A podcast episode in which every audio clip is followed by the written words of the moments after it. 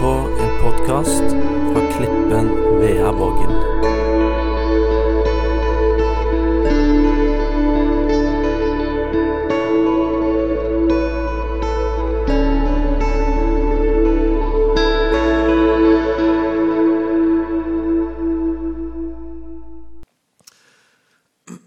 Ja, som sagt så mener jeg at vi, vi skal ha kapittel 9 litt friskt i minne eh, når vi nå går gjennom kapittel 10.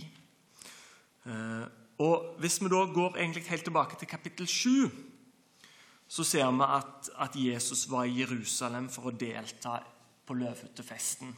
Johannes er litt sånn opptatt av liksom på en måte tidfeste egentlig alt som skjer. Eh, og løvhyttefesten i år så feirer de den i Israel for en, for en måneds tid siden.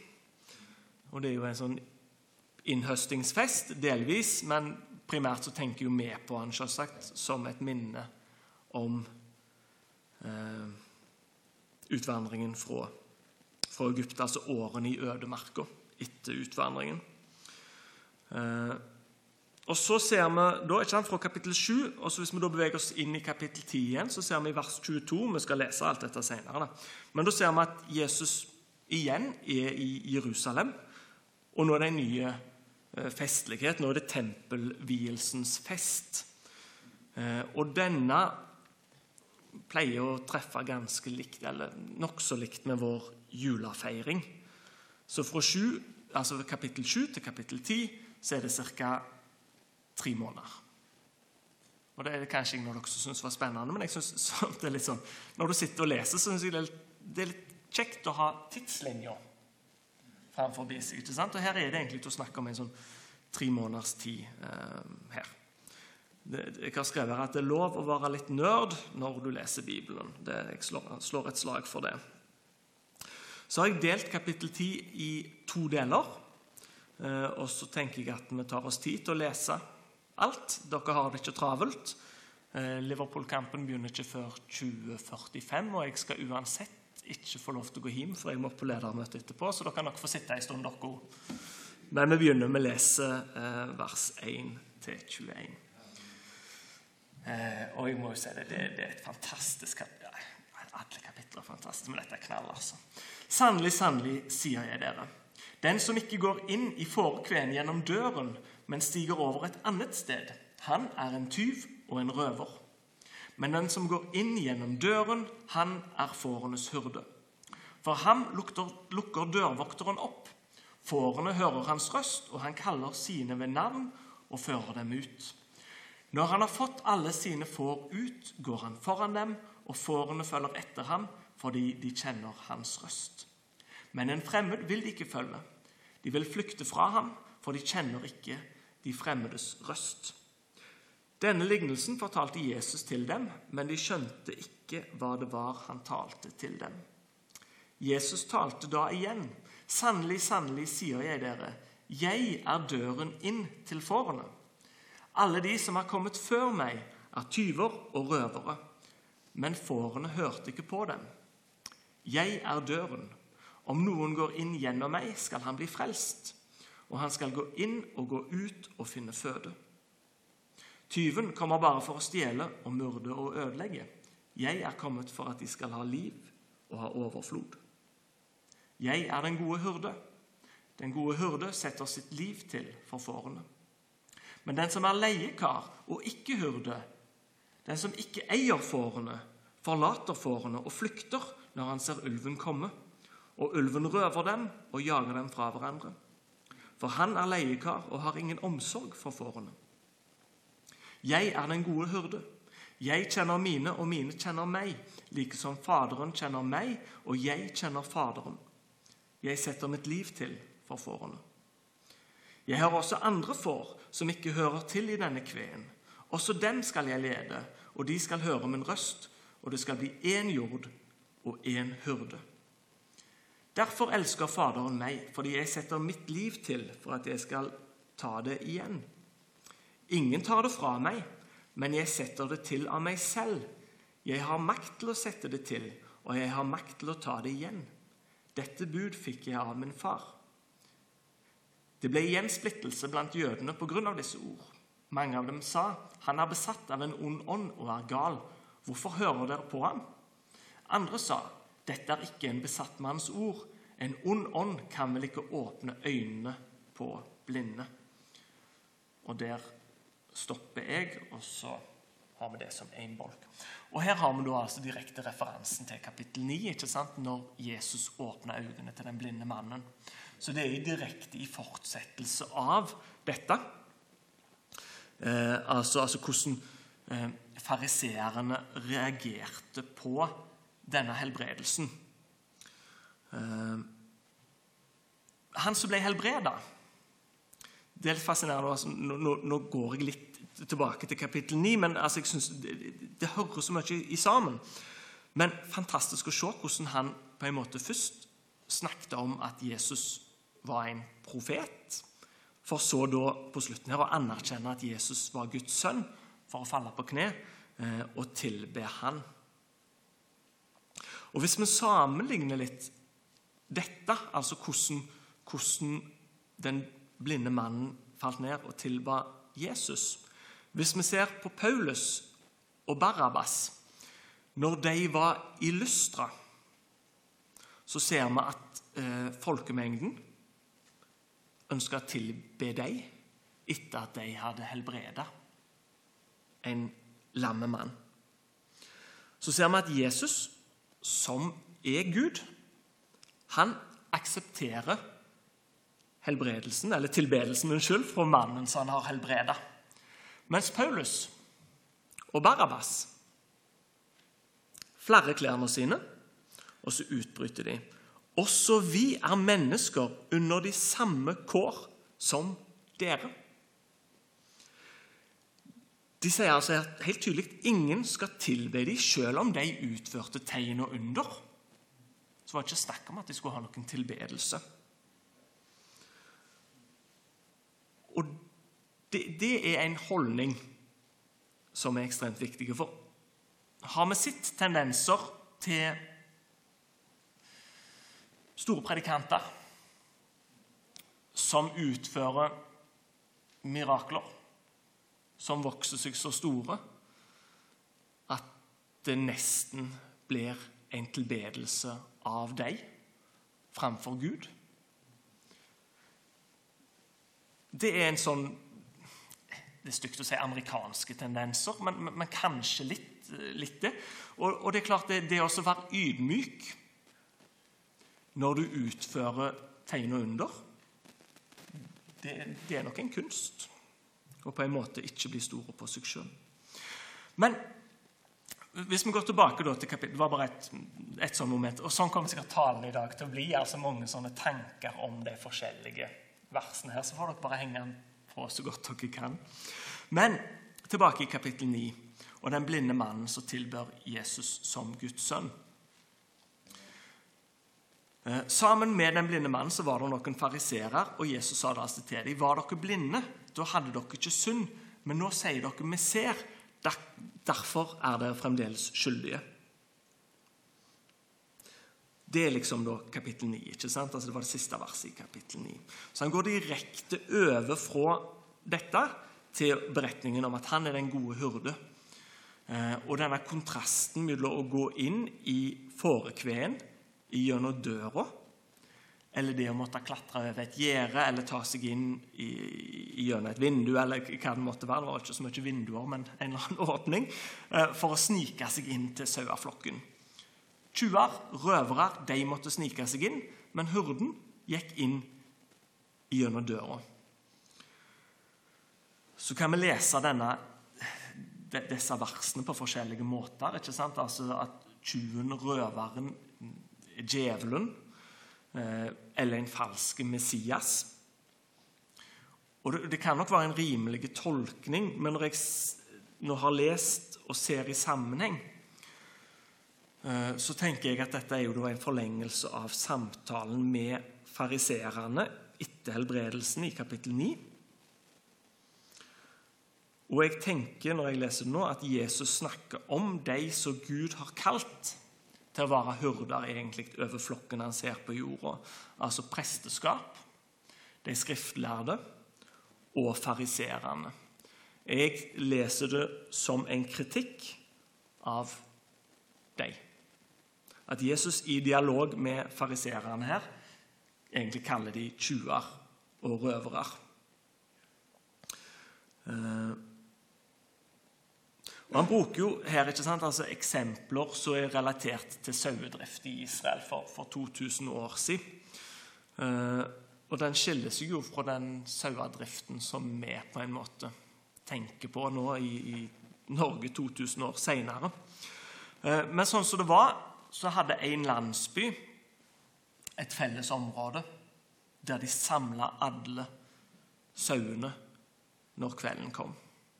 Så jeg kom med mine fem sauer, eh, og så kom Ånen eh, Tassan med sine 15. Og så hadde Arild sine 12, osv. Og, og så hyrte vi inn én person, en dørvokter, som skulle passe på dem gjennom natta. Og på den måten da, så var liksom hele landsbyen sin saueflokk samla. Og vi betalte noen for å passe på dem. Og når det så ble dag igjen,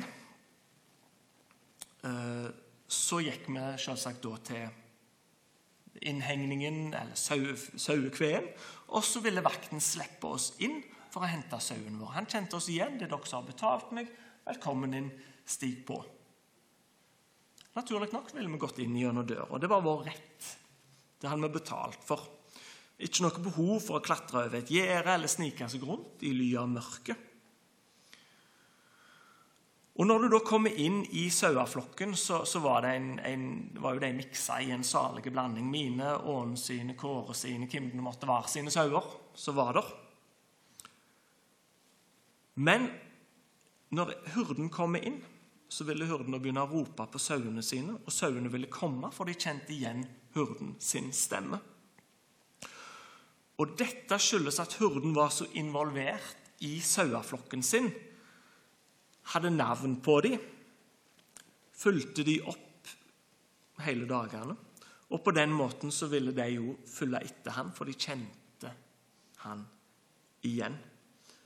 Altså En flott beskrivelse av forholdet mellom Jesus og de som tror.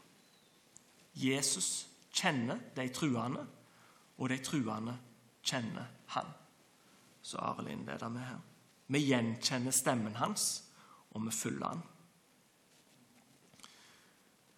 Det er ikke sånn at, at den kristne saueflokken er, er liksom bygd opp som en pyramide, som et sånn hierarkisk samfunn Eh, der du har biskoper og kardinaler på toppen. ikke sant? Og det er kun de som på en måte har direkte adgang og kjenner Jesus. Hos oss er strukturen helt annerledes. Jesus kjenner absolutt alle. Ikke bare presteskapet, ikke bare Men hver eneste en som tror. Han kjenner oss personlig. Og denne toveiskjennskapen er utrolig viktig. For hvis vi går til Matteus 7, 22 og 23, så sier Jesus noe om hvor viktig det er eh, at vi kjenner han og han kjenner oss.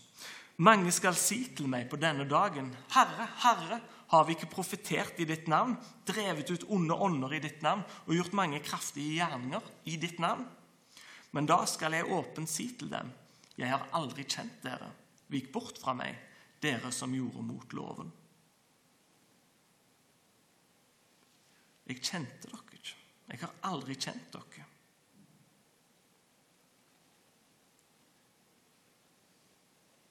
Og et lite moment her òg. Det er de falske profetene som egentlig Jesus vel snakker om her i, i, i Matteus. Så snakker han vel om ulv i fåreklær, på sett og vis her. Så det, det blir en del sau her i dag. Det gjør det. Men, men hvis vi da ser litt videre her i teksten, så, så har vi nok en illustrasjon så er ikke helt gjenkjennbar i forhold til det iallfall jeg tenker på sauehold. I dag, hvis du skal flytte en saueflokk, så tenker jeg automatisk på en hund eller to.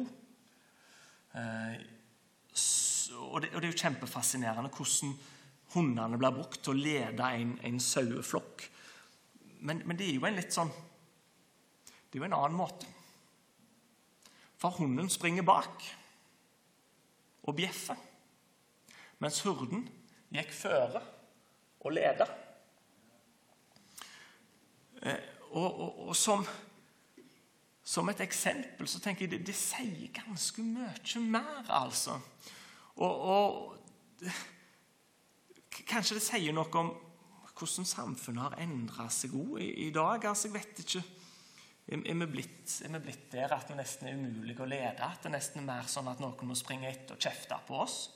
Ikke sant? Altså, som lærer så så, tenker jeg at, ser jeg den, på sett og vis. ikke sant? Der, der, du før satte deg ned og så hørte du på det læreren sa, så, så har kanskje ting, ting endra seg litt der. Men det var altså sånn at hurden gikk, gikk, fremst, og der han gikk, der fulgte sauene etter. Og hvis ei sau bevegde seg vekk fra flokken, så var det nok at hurden ropte etter saua. Så ville saua komme tilbake til flokken. Hvis en fremmed prøvde seg, så ville det da altså ikke lykkes. Og Det er en historie fra eh, Dette, dette er seinere. Altså jeg, jeg, tror det var rundt jeg leste første verdenskrig-type. da. At der var det et forsøk på et sauetyveri. Der noen leda sauene ut. Så hadde da hurden oppdaga dette, gått ut, ropt på sauene, og sauene hadde sprunget tilbake.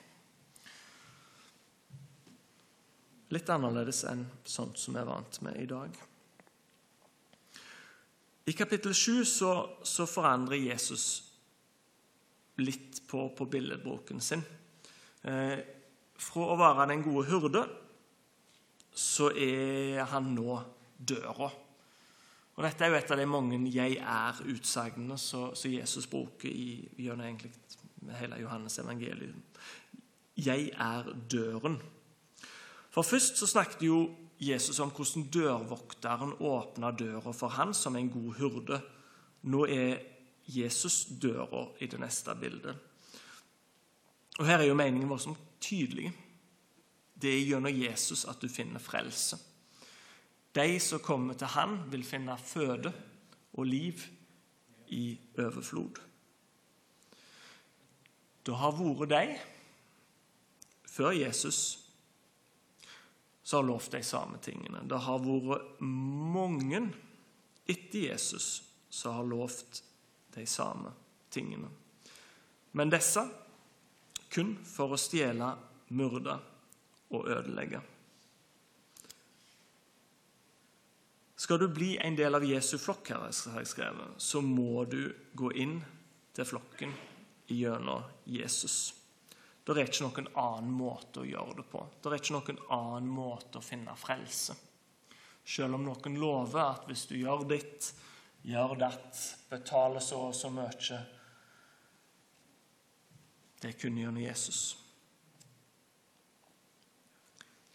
Ser vi i kapittel, nei, unnskyld, vers 11 igjen, så går han tilbake, og så kaller han seg igjen den gode hyrde.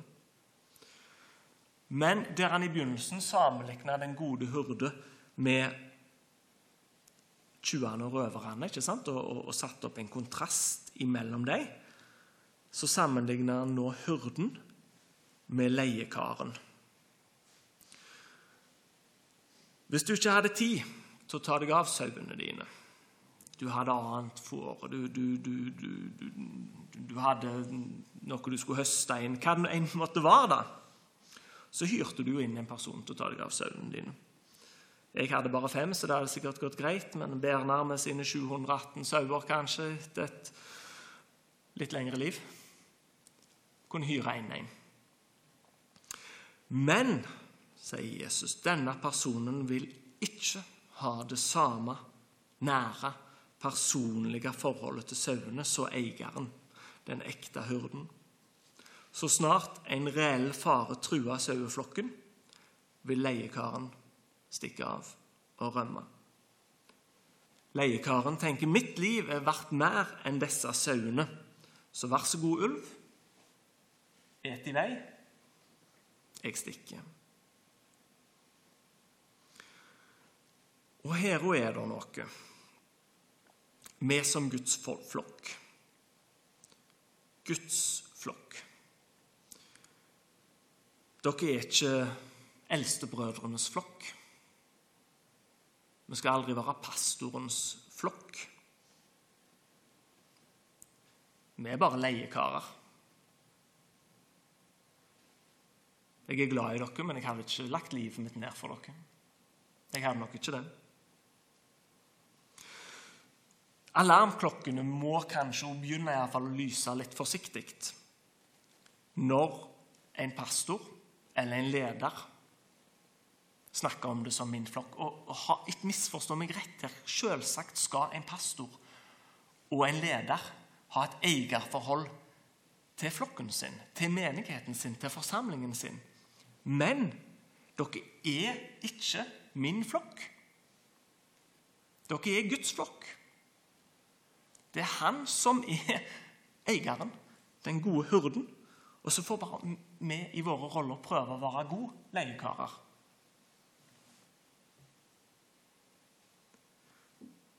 Så hopper jeg litt til vers 16. For dette er litt, denne, denne syns jeg er, den er. Jesus snakker ikke sant, her om, om, om, andre får. Jeg har også andre får som ikke hører til i denne kveen. Befinner seg på en annen plass.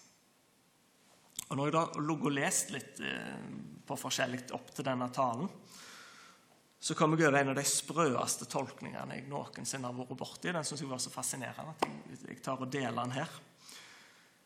Noen tolker altså dette verset sånn at Jesus, etter han var ferdig her på jorda, reiste videre til andre planeter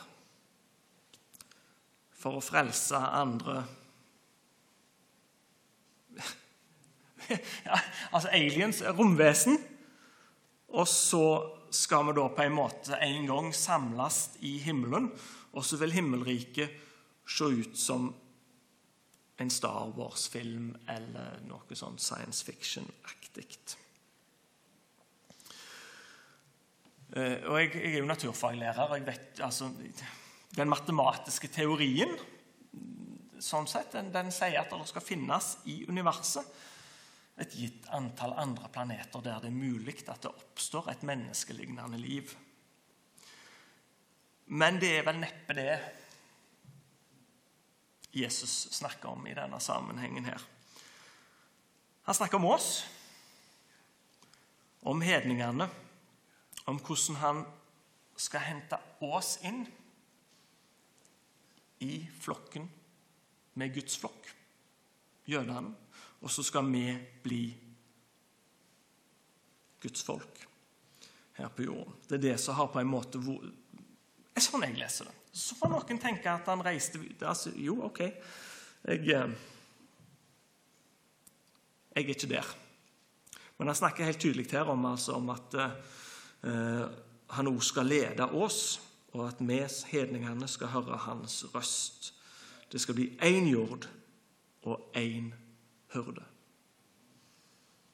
Én flokk, én Gud. Og så kommer denne her med å legge livet sitt ned. Dette er fantastisk. altså. Til slutt så kommer han med en advarsel nesten her. ikke sant? For, for det er klart, Jesus vet jo at det allerede er tanker, planer, et ønske om å få han drept. Og han sier helt, helt tydelig at han gir sitt liv som et villig offer. Fiendene kan ikke ta livet av Jesus. Han må sjøl gi det. Og vi hopper igjen tilbake til Matteus, kapittel 26, 52-54. Eh, og dette er jo eh, dette er jo når Jesus er i ferd med å bli henta, ikke sant? Og eh, der er hogd av et øre, og det er sikkert litt amper stemning. Da sa Jesus til ham, stikk sverdet ditt tilbake på plass, for alle som griper til sverd, skal falle for sverd. Eller tror du ikke jeg kunne be min far, så ville han nå sende meg mer enn tolv legioner engler? Men hvordan skulle da Skriften bli oppfylt, at så må skje? Utrolig viktig å huske frivilligheten. Jesus ga livet sitt frivillig. Pilatus hadde ikke makt til å ta livet av Jesus. Ypperstepresten hadde ikke noen makt til å ta livet av Jesus. Keiseren i Rom hadde ingen makt over Jesu liv eller død.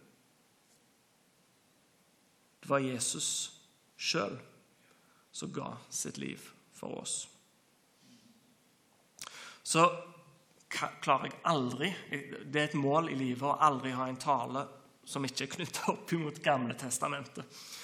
Så nå, folkens, hvis dere vil, så slår dere opp eh, Esekiel 34. Esekiel 34. Så skal vi lese de fem første versene der.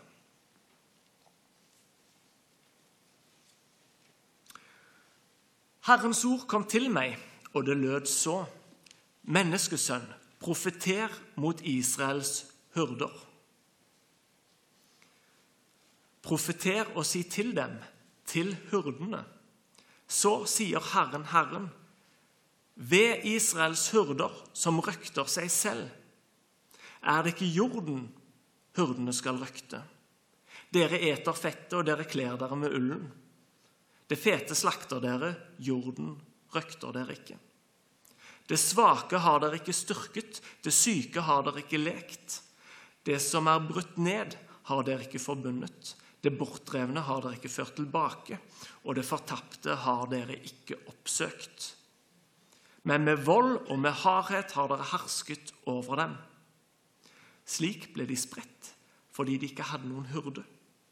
De ble til rov for alle markens ville dyr og ble spredt. Hvis vi leser disse versene fra Esekiel opp imot tjuvene og røverne, så er dette kraftige profeti over de som Gud hadde sagt til å lede sitt folk. Hvordan de veik ifra Guds person, vil jeg si, for å berike seg sjøl. Dette skal vi innlede hvert lederskapsmøte med fra nå av og inn. Eh, men jeg syns det er kjempespennende å, å, å, å se dem opp imot hverandre. Eh, og så vil jeg òg, før jeg går videre til neste del, så vil jeg òg hoppe til slutten av, kapittel, eh, av, unnskyld, av Johannes evangeliet, kapittel 21, og, å, å lese vers 15-17. Og dette er helt magisk, altså. Så altså kapittel 21 for de som vil slå opp i Johannes evangelium. Vi leser vers 15-17. Da de hadde holdt måltid, sier Jesus til Simon Peter.: Simon, Johannes' sønn, elsker du meg mer enn disse? Peter sier til ham, Ja, Herre, du vet jeg har deg kjær. Jesus sier til ham, Fø mine lam. Igjen sier han til ham, annen gang, Simon, Johannes' sønn, elsker du meg? Han sier til ham, Ja, Herre, vet, du vet at jeg har deg kjær. Han sier til ham, 'Vokt mine får'. Han sier tredje gang til ham, 'Simon, Johannes' sønn, har du meg kjær?' Peter ble bedrøvet over at han den tredje gang sa til ham, 'Har du meg kjær?' Og han sier til ham, 'Herre, du vet alt. Du vet at jeg har deg kjær.' Jesus sier til ham, 'Fø mine får'.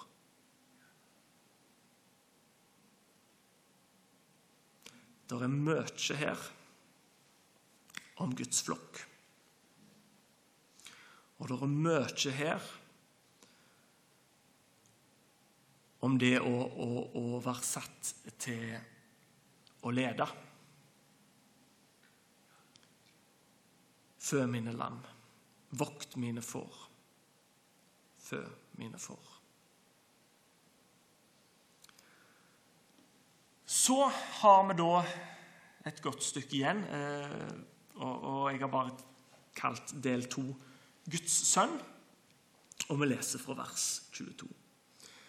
Men det var tempelvielsens fest i Jerusalem. Det var vinter. Jesus gikk omkring i tempelet i Salomos søylegang. Jødene flokket seg da om ham og, sa til, eh, og sa til ham.: Hvor lenge vil du holde oss i uvisshet? Er du Messias, så si oss det rett ut. Jesus svarte dem, 'Jeg har sagt dere det, og dere tror det ikke.' 'De gjerninger jeg gjør i min fars navn, De vitner om meg. Men dere tror ikke fordi dere ikke er av mine får. Mine får hører om en røst. Jeg kjenner dem, og de følger meg. Og jeg gir dem evig liv.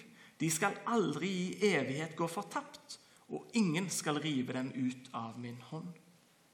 Min far, som har gitt meg dem, er større enn alle, og ingen kan rive dem ut av min fars hånd.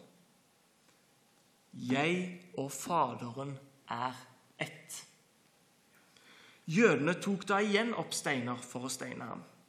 Jesus svarte dem, 'Mange gode gjerninger fra min far har jeg vist dere. Hvilke, hvilken av dem er det dere vil steine meg for?' Jødene svarte ham, 'For noen god gjerning steiner vi deg ikke, men for Guds bespottelse, fordi du, som et menneske, gjør deg selv til Gud.' Jesus svarte dem, 'Står det ikke skrevet i deres lov?' 'Jeg har sagt, dere er guder.' Når loven har kalt dem som Guds ord kom til, for guder, og Skriften kan ikke gjøres ugyldig, hvordan kan dere da si til ham, som Faderen har helliget og sendt til verden, du spotter Gud, fordi jeg har sagt, jeg er Guds sønn? Dersom jeg ikke gjør min fars gjerninger, så tro meg ikke. Men hvis jeg gjør dem, da tro gjerningene om dere ikke vil tro meg, for at dere kan forstå og vite at Faderen er i meg og jeg i Faderen. Da prøvde de igjen å gripe ham, men han slapp ut av deres hånd. Så dro han igjen over til den andre siden av Jordan, til det sted der Johannes først var og døpte. Der ble han en tid. Mange kom til ham, og de sa:" Johannes gjorde nok, gjorde nok ingen tegn, men alt det Johannes sa om denne mann, var sant. Og mange trodde på ham der. Her tror jeg det har vært et, et lite tidshopp. For igjen her da, så, så tidfester Johannes at Jesus er i Jerusalem, og det er tempelvielsens fest. Og da tenker jeg at jeg tillater meg sjøl igjen da å være litt, litt, litt nerd, så jeg sier. Altså litt, kanskje litt spesielt interessert. For vi tar oss tid til å snakke om tempelvielsens fest. Hva det er. Det er ikke ei høytid som du egentlig møter i Bibelen vår. Det står ikke beskrevet i Det gamle testamentet. For det er ei høytid som feirer en begivenhet som altså skjedde i mellom Gamle testamentet og Nye testamentet, denne 400-årsperioden imellom testamentene. Den mellomtestamentlige tid. I dag så kalles høytida Hanukka. Og er egentlig ikke noe Det, er ikke helligdager sånn sett. Det er høytid, men det er lov å jobbe. Samfunnet går som normalt. Og så samles spesielt jøder i USA feirer dette. Da samles mer for type sosialt, festlig altså Familien samles og sånt.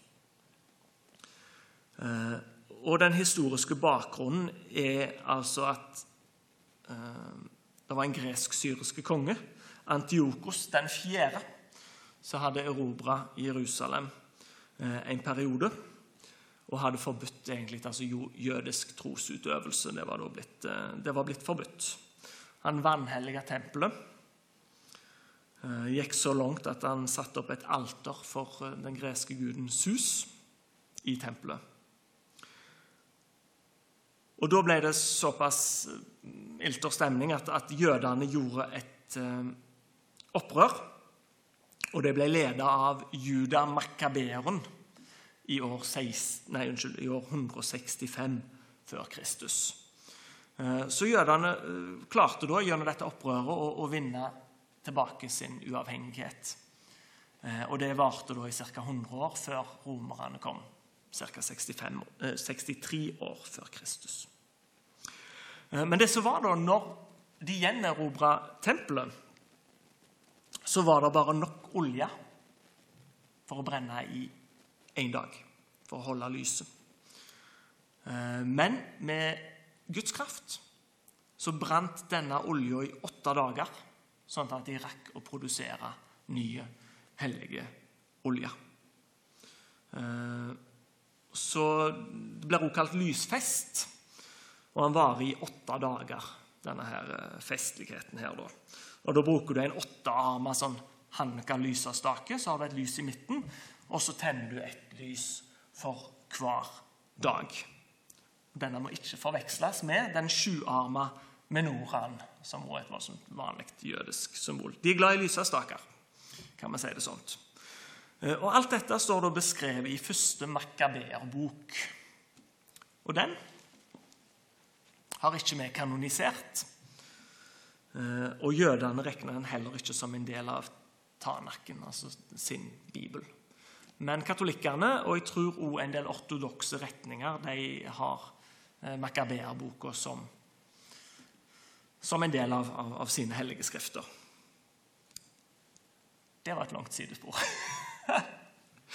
Men hvis vi går tilbake til Johannes, da, så er det sånn at jødene ber Jesus fortelle om han er Messias, Messias eller ikke. Fortell oss. Er du det, eller er du det ikke? Og Jesus er jo voldsomt forsiktig med å proklamere at han er Messias. Eh, han har fortalt det til disiplene sine på dette tidspunkt. Eh, de har nok ikke forstått det. Eh, og så har han også sagt det til den samaritanske kvinnen med brønnen. ikke sant? Altså egentlig helt snodig at der valgte han å fortelle at han var Messias. Det, det er kjempestilig, egentlig. Men altså holdt det egentlig voldsomt i, i sin kjerne. Og Grunnen kan kanskje være at folk nok ikke forsto hva Messias egentlig var, eller skulle være. For eh, folket her forventa jo ikke sant, altså at Messias skulle komme som en mektig kriger og utdrive romerne. De forventa ikke at Jesus eh, skulle bli født i en stall for å dø på et kors. Og Jesus svarer her at han har gjentatte ganger fortalt hvem han var gjennom gjerningene sine. At miraklene som han hadde gjort, de viste hvem han var. Men allikevel så klarte ikke jødene å forstå det. Og så skal vi også legge merke til, så jeg vel prøvde så godt jeg kunne når jeg leste, ikke sant, at Jesus bekrefter enheten mellom han og Faderen. Jeg og Faderen er ett.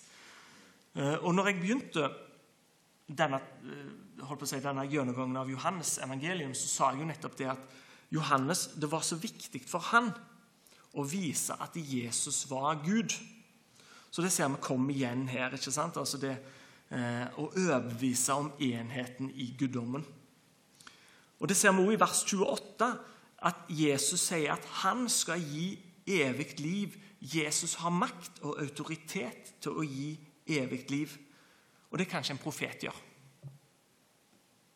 Det er det bare Gud som kan gjøre. Så leser vi også at ingen kan rive noen ut av Jesu grep. Et kjempesterkt løfte som Jesus kommer med her. Ingen makt, ingen myndighet, ingen omstendighet vil kunne rive oss ut av Jesu hånd. Og tror du ikke da, Stian, at uh, en kan falle ifra trua? Jo, det gjør jeg. Det gjør jeg. Men aldri for at Jesus slapp oss. Aldri. Aldri kan noen si at 'jeg tror ikke lenger', for Jesus slapp meg. Det har han lovt at han aldri skal gjøre. Jesus, altså, holder oss i si hånd. Han snakker også om at Faderen holder oss i si hånd. Hele guddommen holder oss i si hånd. Og nå, nå, nå, ser, nå, blir det ganske tydelig. Jeg og Faderen er ett. ikke sant? Jødene forstår hva han står og sier her. ikke sant? Og at et menneske står før dem, da, sånn som Jesus gjorde Et, et vanlig menneske som du kan berøre, ikke sant? Står før dem og sier at han er Gud. Det var jo blasfemi, som vi straffa med døden. Og de hadde jo lyst til, sammen, til å henrette han på stedet med, med å steine han. Og så er jo dialogen her ganske fascinerende. Men, men det jeg igjen da, altså, jeg, jeg, vil gå tilbake til kapittel 1. For, sier, for jødene har totalt misforstått den situasjonen de står i. For de sier, 'For du som et menneske gjør deg selv til Gud', svarer de når Jesus spør hvorfor de vil steine ham. Se, det er Gud som har gjort seg selv til menneske. Og så forstår de det ikke. De snur det helt på hodet. Ikke, ikke snakk om noe menneske her som gjør seg til Gud. Det er Gud. Ordet ble til kjød og tok bolig iblant oss. Jesus ble menneske. Jesus er ikke et menneske som gjør seg sjøl til Gud. Altså, det er helt på hodet. Snakk om å være i bakvendtland. Det er så ufattelig trist egentlig til å lese denne passasjen her. Gud står før dem. De klarer ikke å forstå det. Skjønner ikke. Så, ja, så kommer det noen vanskelige vers. Det er ikke til å stikke under en stol.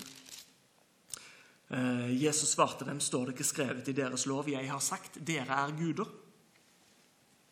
I Salme 82, 82,6 så står det, jeg har sagt, dere er guder, dere er alle den høyestes sønner. Så det, står en referanse eh, i Bibelen her ikke sant? Altså til Salme 82, 82,6. Et vers som kan være retta mot dommerne eh, før, før kongedømmet ble, ble oppretta. Så hadde de oppgaver om å dømme eh, og, og, etablere eller gi rettferdighet, som jo er en, en jobb som tilhører Gud. Eh, så Jesus spør ikke altså, hvorfor var det ingen som steina steina deg. Og så undrer han seg videre over at loven som du har kalt det jødiske folk, altså de som mottok Guds ord. Eh, så, så det er mye litt sånn undring her. Eh, og så slår det meg igjen her da, altså, at det, er så utrolig vanskelig for jødene å forstå dette her. Altså det, det å forstå at Jesus er Gud. At de ikke klarer denne her altså hvis, hvis, Jeg tror hvis vi spør noen i dag hva er det du syns er vanskeligst med det kristne evangeliet, så tror jeg kanskje fort de lander på oppstandelsen. Oppstandelsen er vanskelig og umulig kanskje å akseptere. Men her, for jødene, så er nok den store snublesteinen det er nok inkarnasjonen. Altså at Gud ble menneske. Det ser ut til å være helt helt umulig å forstå. Ikke sant? Altså En misforståelse igjen om hva Messias var. De venta noe storslått.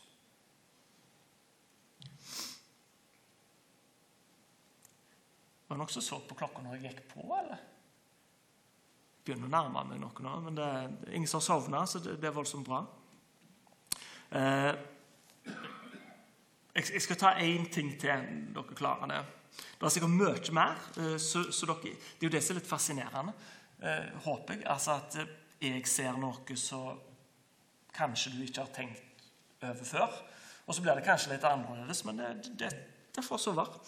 Men jeg vil at vi skal ta oss tid til å se på siste del av kapittel, nei, unnskyld, vers 35. Og Skriften kan ikke gjøres ugyldig. Jesus er klokkeklare på Bibelen sin posisjon. Bibelen sin autoritet. Luthers fjerde prinsipp i reformasjonen, ikke sant? altså Skriften alene. Jeg tror før i tida trenger ikke så langt tilbake, så, så var det nok oftere fra talerstolen brukt uttrykk som Bibelen min sier. Jeg forsvar, altså, Dette har jeg herifra. For jeg, jeg tror altså at vi, vi er blitt så smarte. Vi har så mye kunnskap. Vi har så mye eh, språk vi kjenner. ikke sant? Så tolker du på ord, og så vet vi så mye om historie, og så har vi lært om kritisk tenkning.